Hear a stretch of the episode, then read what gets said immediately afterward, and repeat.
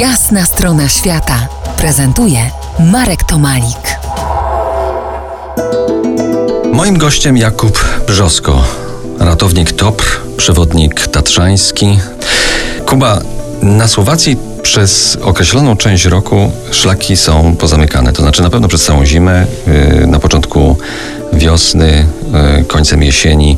U nas teoretycznie są otwarte przez cały rok. Może by też tak podomykać te szlaki, może byłoby wtedy tych wypadków mniej. No, y, ja mogę się tylko y, wypowiedzieć y, tak prywatnie. Nie chcę tu wypowiadać się ze strony żadnej instytucji czy organizacji, w których, w których jestem. Moim zdaniem ma to sens. Słowacy wprowadzili te ograniczenia czasowe przede wszystkim ze względu na ochronę kozic i świstaków, które, które na wiosnę, wczesną wiosną pojawiają się już na powierzchni, zaczynają, zaczynają matki, rodzice z młodymi y, wychodzić i ten spokój jest potrzebny. Y, oczywiście to jest też względ bezpieczeństwa, no bo jeżeli od listopada do, do czerwca te szlaki są zamknięte, to w naturalny sposób blokujemy wejście w wyższe partie gór turystów niedoświadczonych, amatorów, y, ludzi przypadkowych. To jest dobre. No, y, tak jest na Słowacji. Na Słowacji też jest ubezpieczenie, które wykupujemy i każda akcja ratunkowa jest, y, można powiedzieć, bezpłatna, tak? Nie płacimy za nią. Jeżeli nie wykupimy y, ubezpieczenia, każda akcja chorskiej służby z użyciem śmigłowca jest bardzo droga i bardzo odczujemy to w naszym budżecie domowym. W Polsce jest kompletnie inaczej, czyli... No właśnie, dlaczego w Polsce nie chcemy wprowadzić tego ubezpieczenia obowiązkowego?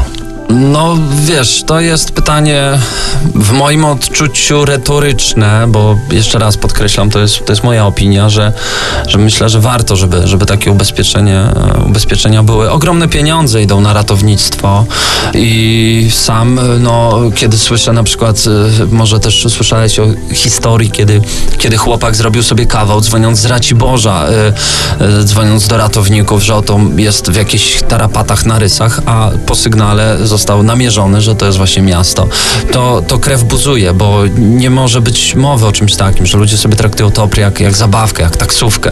Dobrze, a powiedz, często zdarzają się takie fałszywe alarmy? No co jakiś czas się zdarzają i, i to jest bardzo niedobre, bardzo um, uważam, że to powinno być mocno piętnowane.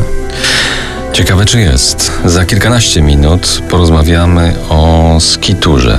Zostańcie z nami po jasnej stronie świata.